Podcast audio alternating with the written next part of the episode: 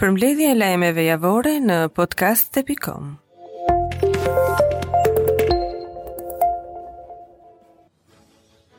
Laçi është tronditur të hënën e një nëntorit nga një krim i rëndë ku një person është vrarë me armë zjarri.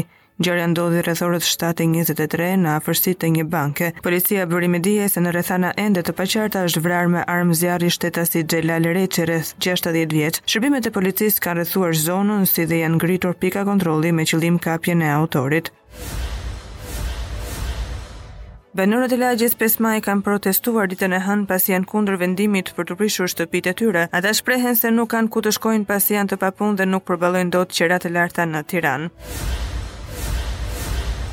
Opozita u largua nga mbledhja e Këshillit të Legjislacionit në Kuvend, ku po diskutohej zgjatja e afateve të vetingut. Kreu i grupit parlamentar i Partisë Demokratike, Alfred Rushaj, tha jashtë Kuvendit se mazhoranca nuk do që të trajtojë së bashku ndryshimet kushtetuese të zgjatjes së afateve të vetingut dhe ndryshimet që propozon Partia Demokratike, por do t'i trajtojë ato veçmas. Partia Socialiste është dakord që të pranojë kërkesën e PD-së për ngritjen e një komisioni të posaçëm për reformën zgjedhore ku të adresohen të gjitha rekomandimet e OSBE ODIHR. Kreu i grupit parlamentar i Partisë Socialiste, Taulant Balla, tha se ky komision duhet të ngrihet sa më parë dhe është në pritje të dorëzimit të propozimeve nga ana e Partisë Demokratike. Kryeministri Edi Rama ka njoftuar paraditen e së hënës një tjetër risi që do të vijë për qytetarët dhe bizneset në platformën e-Albania. Bëhet me dije se tashmë të gjitha ankesat për tendera do të bëhen online në e-Albania.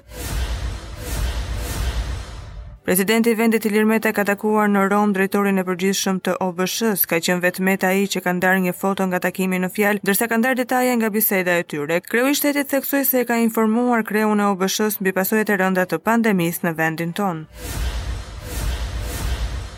Kryeministri Edi Rama ditën e hënë u ndodh në Skoci për konferencën e OKB-së mbi ndryshimet klimatike. Rama ka publikuar një video ku shihet se është pritur nga kryeministri i Britanisë Boris Johnson dhe pranë tij është sekretari i përgjithshëm i Kombeve të Bashkuara. Ekspertja e Institutit të Shëndetit Publik, Silva Bino, përkohësisht anëtare e Komitetit Teknik të ekspertëve, deklaroi se ka nisur vaksinimi i fëmijëve të grupmoshave dymbëdhjetë deri në pesëmbëdhjetë vjeç që vuajnë nga sëmundjet kronike. Në një deklaratë për mediat, Bino tha se e njëjta gjë do të zbatohet edhe për grupmoshat gjashtëmbëdhjetë shtatëmbëdhjetë vjeç.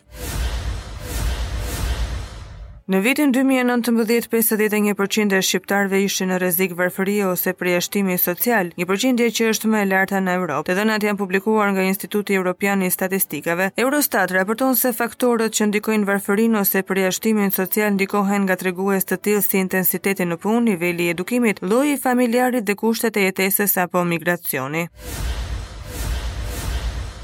Sekretari i përgjithshëm i Lëvizjes Socialiste për Integrim, Endri Braimllari, ka sulmuar ashpër qeverinë Rama teksa ka reaguar në lidhje me raportin e Eurostat, ku thuhet se rreth 51% e shqiptarëve jetojnë në rrezik varfërie ose përjashtimi social. Përmes një postimi në Facebook, Braimllari thekson se rilindja pasuron oligarkët dhe varfëron qytetarët. Është mbledhur ditën e martë për herë të parë Komisioni Hetimor për Incineratorët. Mbledhja u hap nga kryetarja e këtij komisioni, Jorida Tabaku, e cila theksoi se në komision do të diskutohen tre incineratorët, ai i Elbasanit, i Fierit dhe i Tiranës, ku sipas saj, ky i fundit është rasti më flagrant. Tabaku tha se në rastin e tre kontratave në fjalë, ligji është shkelur me të dyja këmbët. Kryebashkiaku i Mallakastrës, Qerim Ismailaj, është marrë i pandehur nga Gjykata kundër Korrupsionit dhe Krimit të Organizuar. Ai është i dyshuar për veprën penale Falsifikimi i vulave, i stampave dhe i formularëve. Denoncimi është bërë pak muaj më parë nga Partia Demokratike, e cila paraqiti provat në SPAK. Partia Demokratike ka reaguar pas marrjes të pandehur të kryebashkiakut të Mallakastrës, Qerim Ismailaj. Sekretari i Përgjithshëm i PD-së, Gazmend Bardhi e cilëson si një akt të mirëpritur drejt pastrimit të politikës. Sipas Bardhit, Edi Rama futi në politikë modelin e politikanit gangster, që rri në pushtet në aleancë me krimin dhe ky model duhet zhbërë përmes vetingut në politikë. Kryetarja e Bashkisë së Shkodrës, Voltana Ademi ka dhënë një prononcim për mediat pas përfundimit të seancës në Gjykatën Kushtetuese lidhur me zgjedhjet lokale të 30 qershorit. E pyetur nga gazetarët nëse do të jetë sërish kandidate për kryetare bashkie, Ademi u përgjigj se duhet të presim vendimin e Gjykatës Kushtetuese. Sekretari i Përgjithshëm i Partisë Socialiste, Damian Gjiknuri, komentoi në një prononcim për mediat propozimin e PD-së për ndryshimet në Kushtetutë. Sa i takon vettingut të politikanëve, Gjiknuri u shpreh se Shqipëria ka legjislacion të mjaftueshëm për pastërtinë e figurës.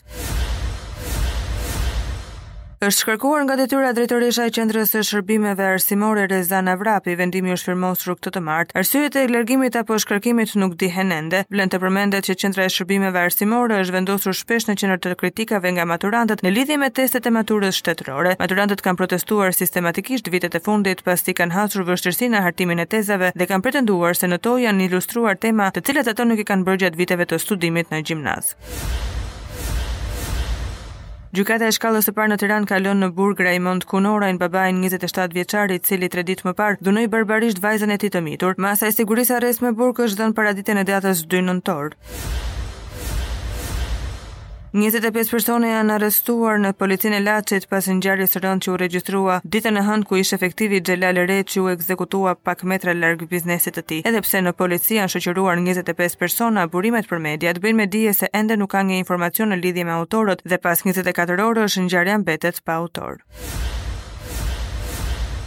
Në një takim që ka zhvilluar me drejtorin e përgjithshëm të policisë së shtetit ambasadorja e SHBA-s në Tiranë, Yuri Kim dha mbështetjen e saj për policinë dhe nuk do të kursehet me pajisje, trajtime apo gjithçka që të jetë e nevojshme. Ambasadorja Kim kërkoi nga drejtori i përgjithshëm i policisë së shtetit që të rritet besimi i njerëzve tek uniformat blu.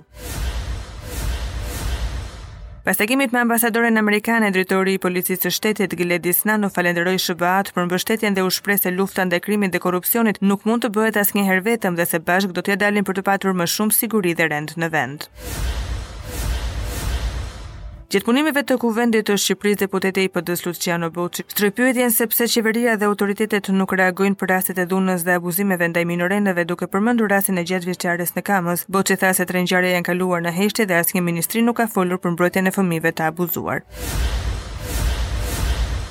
Deputetja e Partisë Demokratike Albana Vokshi nga foltorja e parlamentit ka denoncuar lidhjet e kryeministrit Rama me mafien e ilaçeve. Vokshi tha në fjalën e saj se çdo tender sekret në sektorin e ilaçeve jepet me dijeninë e kryeministrit.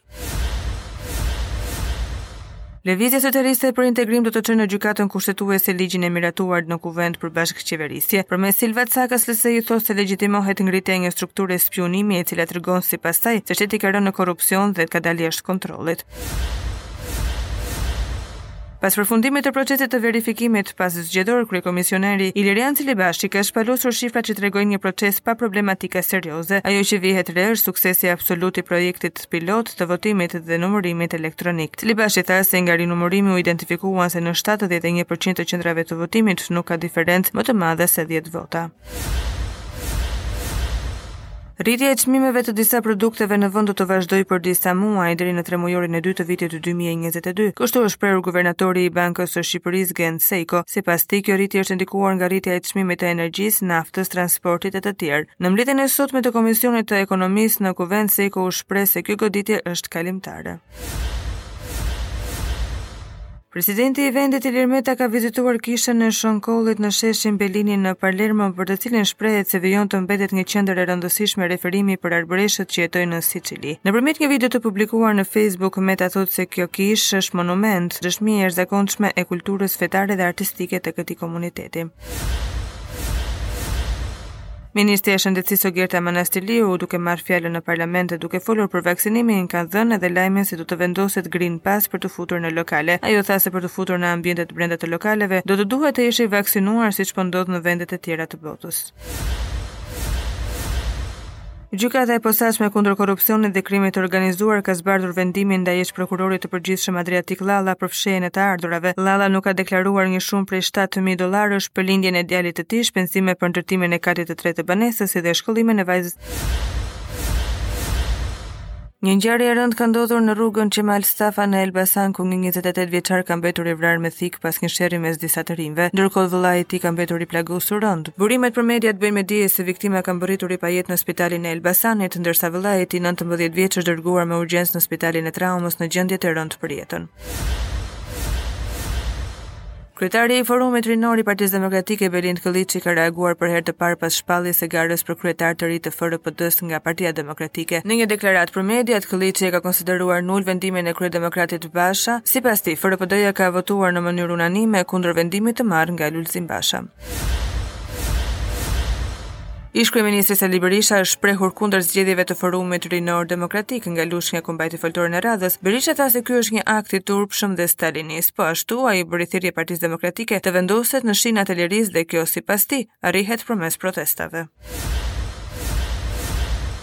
Lidhja Demokratike e Gruas së Shqipërisë do të hyjë në një proces zgjedhor, kështu njofton Partia Demokratike një ditë pas vendimit të riorganizimit për zgjedhjet e organeve drejtuese të forumit rinor. Kryetarja e Lidhjes së Gruas aktualisht është Albana Vokshi, e cila mban postin prej të paktën 10 vitesh. Nuk dihet pse vendimi u mor disa orë pasi ajo doli kundër vendimit të Bashës për zgjedhjet e FRPD-së.